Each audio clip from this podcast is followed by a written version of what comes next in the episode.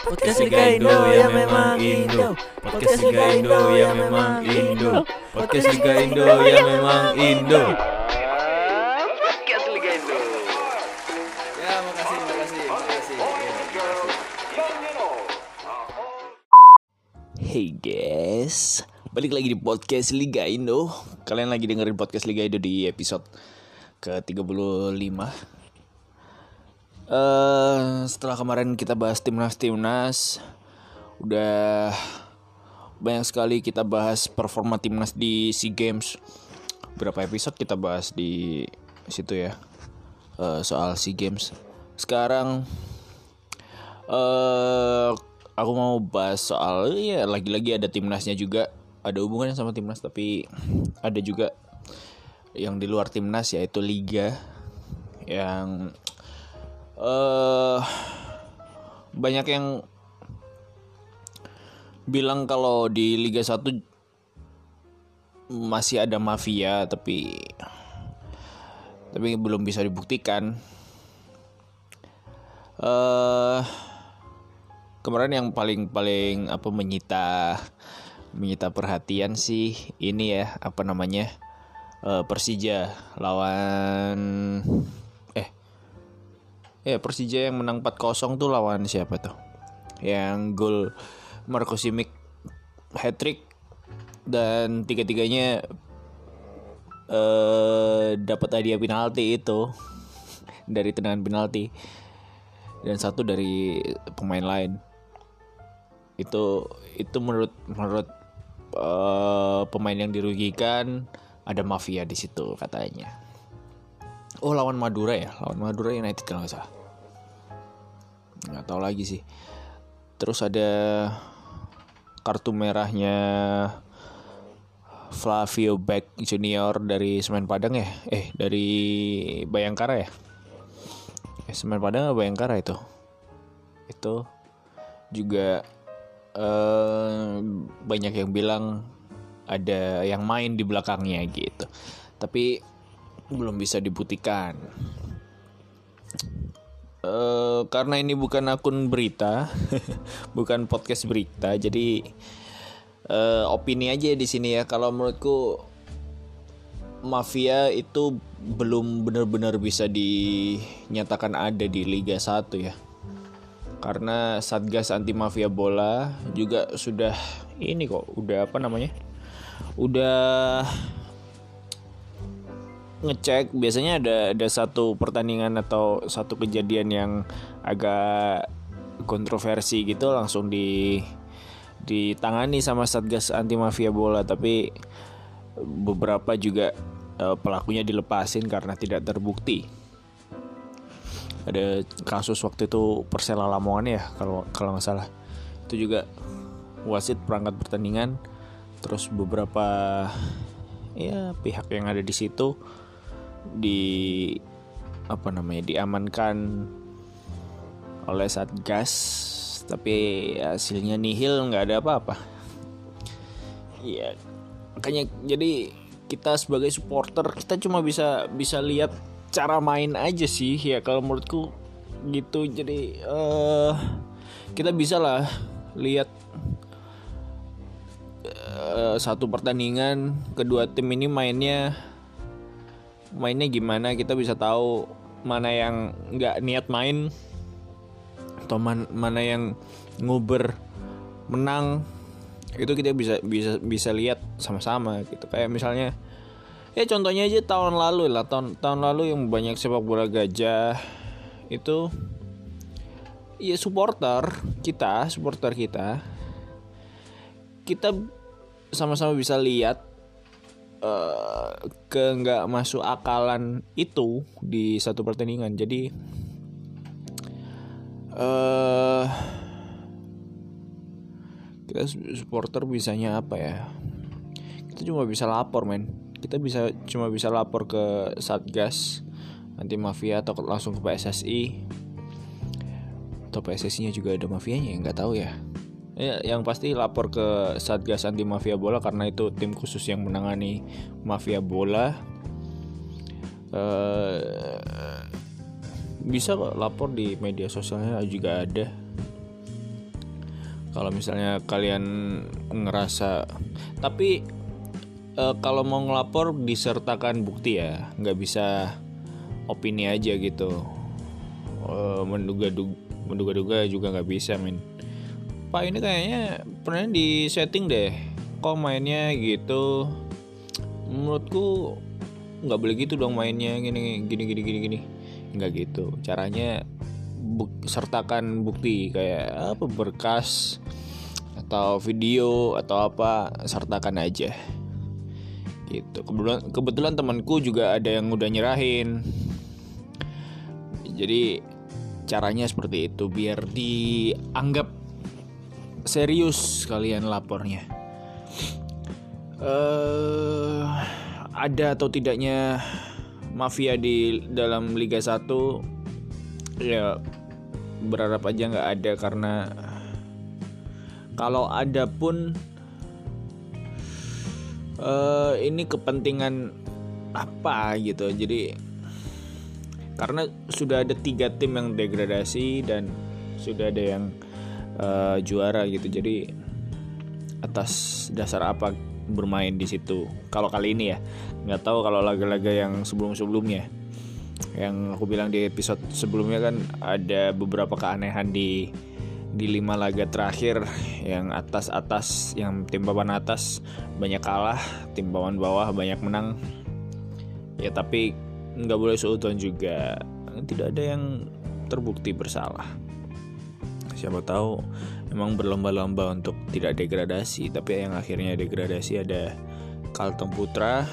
Eh Kalteng Putra ya?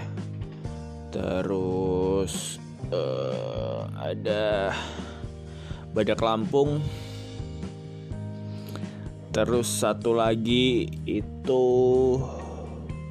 Semen Padang.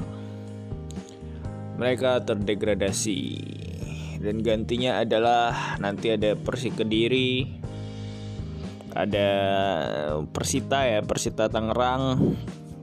Ada satu lagi lupa saya. Ya gitu. Jadi kabar soal liga yang mau berakhir ini kayaknya gitu aja deh. Tinggal berapa laga sih? Satu laga dua laga ya? Satu ada dua dua laga lagi kan sisa. Ya kita nantikan saja Eh, btw tim kalian apa nih? Tim jagoan kalian apa? Kalau aku tetap dong. Kelahiran saya di sidoarjo jadi Deltras tapi nggak ada Deltras jadi yang deket-deket aja persebaya. Meskipun kedua supporter bermusuhan ya tapi ya ngapain musuhan juga kan? Orang cuma tim sepak bola ngapain musuhan di bawah personal nggak usah kan nggak usah men. Nggak nggak nggak apa namanya nggak nggak zaman musuh-musuhan. Kita semua damai sekarang. Aku persebaya. Kalau kalian eh kebanyakan di sini da- dari daerah mana sih kalau yang aku tahu? Kemarin ada dari Jogja ada dari Jogja. Terus kemarin yang ada mention aku bukan mention sih ada yang nge-DM nge-DM aku dari eh aku lihat kebanyakan Jawa Tengah sih. Ini dari Semarang. Dari Surabaya juga banyak. Dari oh ini dari Bandung juga ada. Bobotoh nih Bobotoh.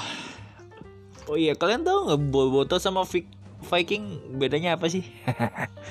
Kalau saya nggak tahu ya bedanya apa? Kayak contohnya apa sih? Kalau di luar negeri ada ada do- double gitu nggak sih?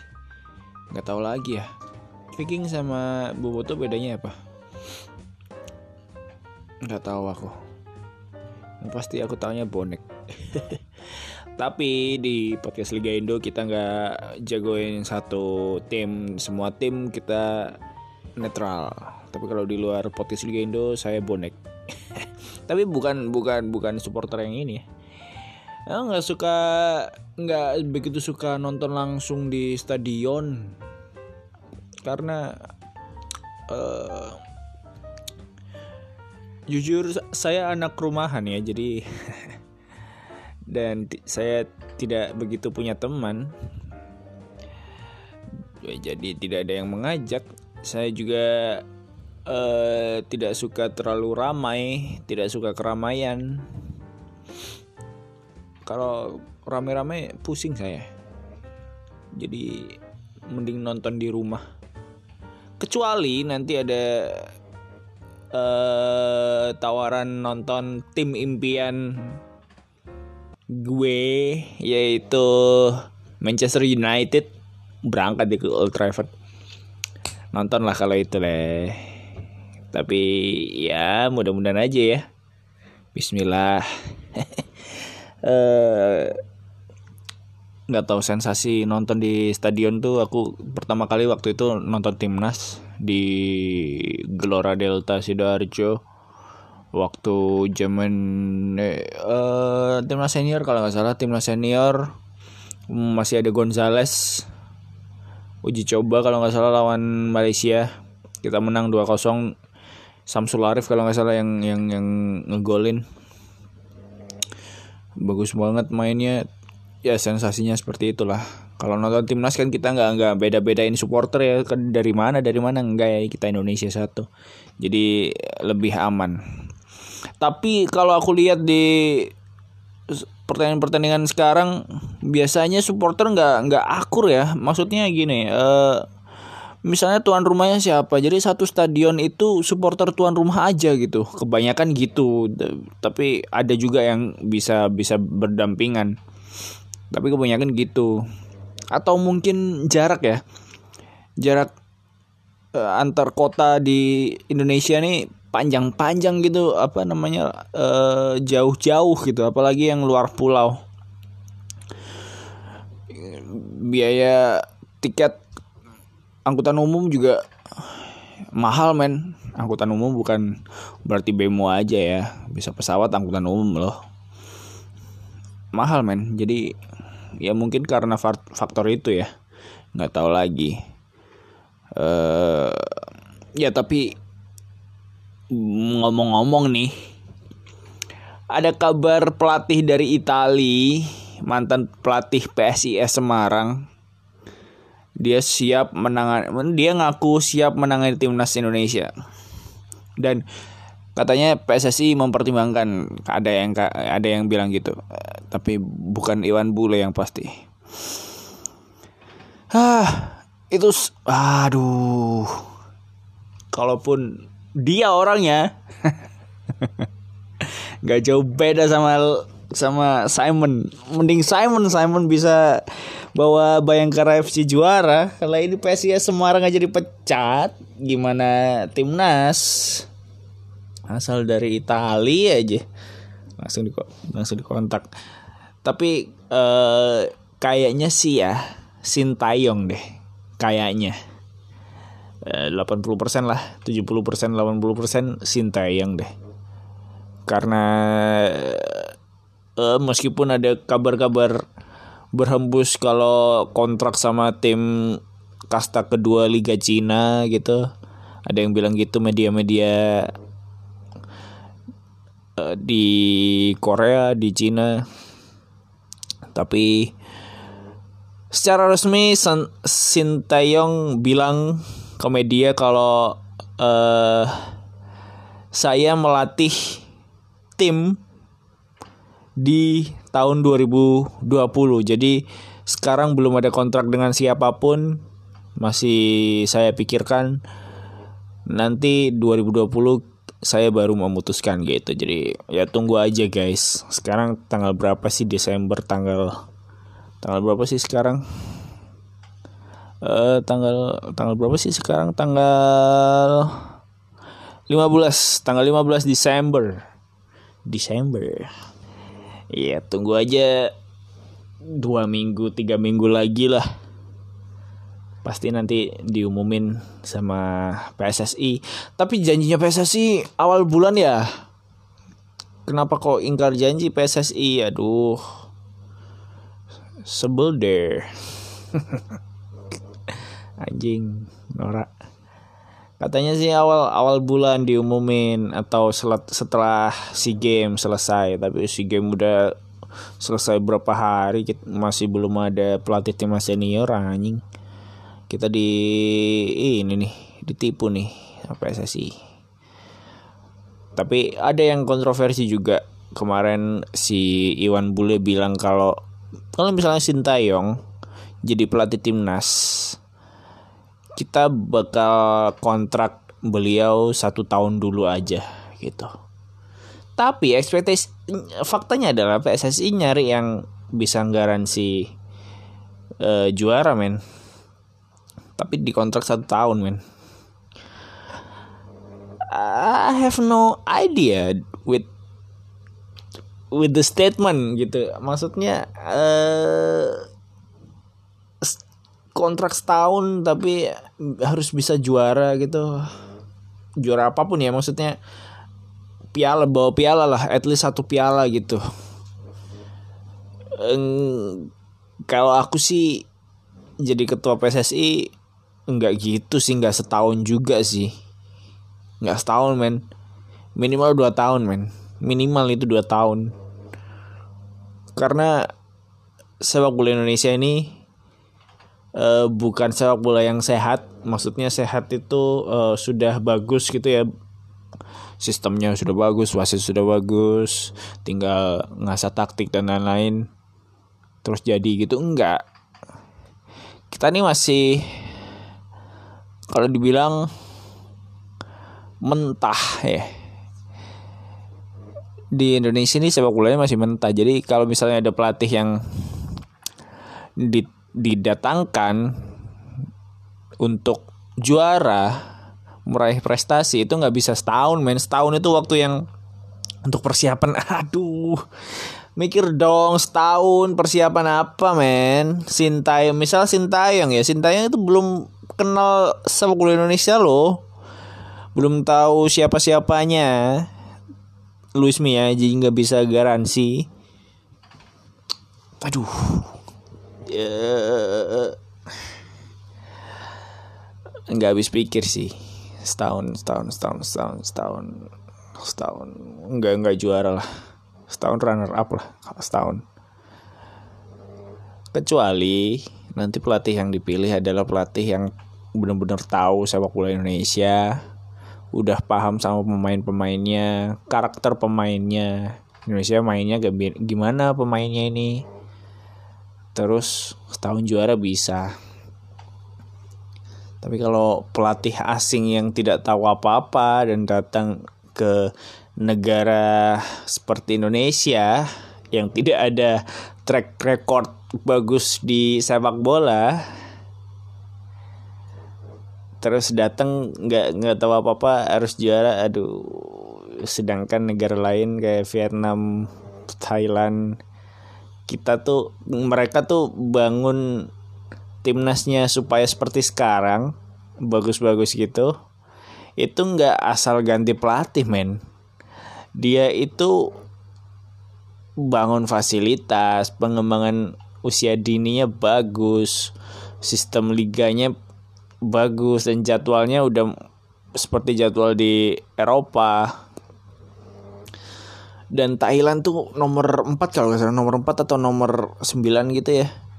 Di di Asia ranking liganya itu. Dari kita 20 berapa gitu. Gila men. Ya. Yeah. berdoa aja deh.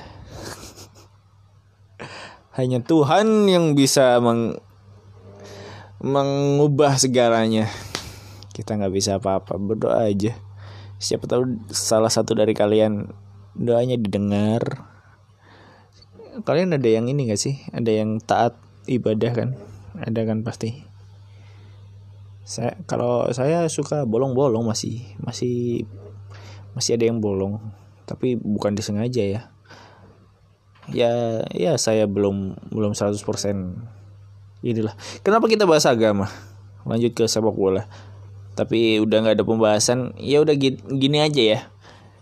Kalian berdoa supaya liga makin baik. Ada ada di oh iya gini gini. Kalian lihat di Twitter podcast Liga Indo ada Twitter sekarang. Kalian lihat aja di Twitternya podcast Liga Indo. Uh, di situ ada ada tweet yang bilang kalau sepak bola kalau sepak bola Indonesia kalau mau maju ini yang harus dibenahi bukan pelatih aja gitu. Lihat aja di situ. Nah, itu kesimpulannya men di situ. Kalian lihat aja di Twitter podcast Liga Indo. Gitu aja ya. Kalian sekarang langsung matiin podcastnya, Spotify-nya langsung ke Twitter. Oke. Sampai ketemu di hari Kamis, hari Kamis ya. Kita lanjut ngobrol lagi di hari Kamis. Bye.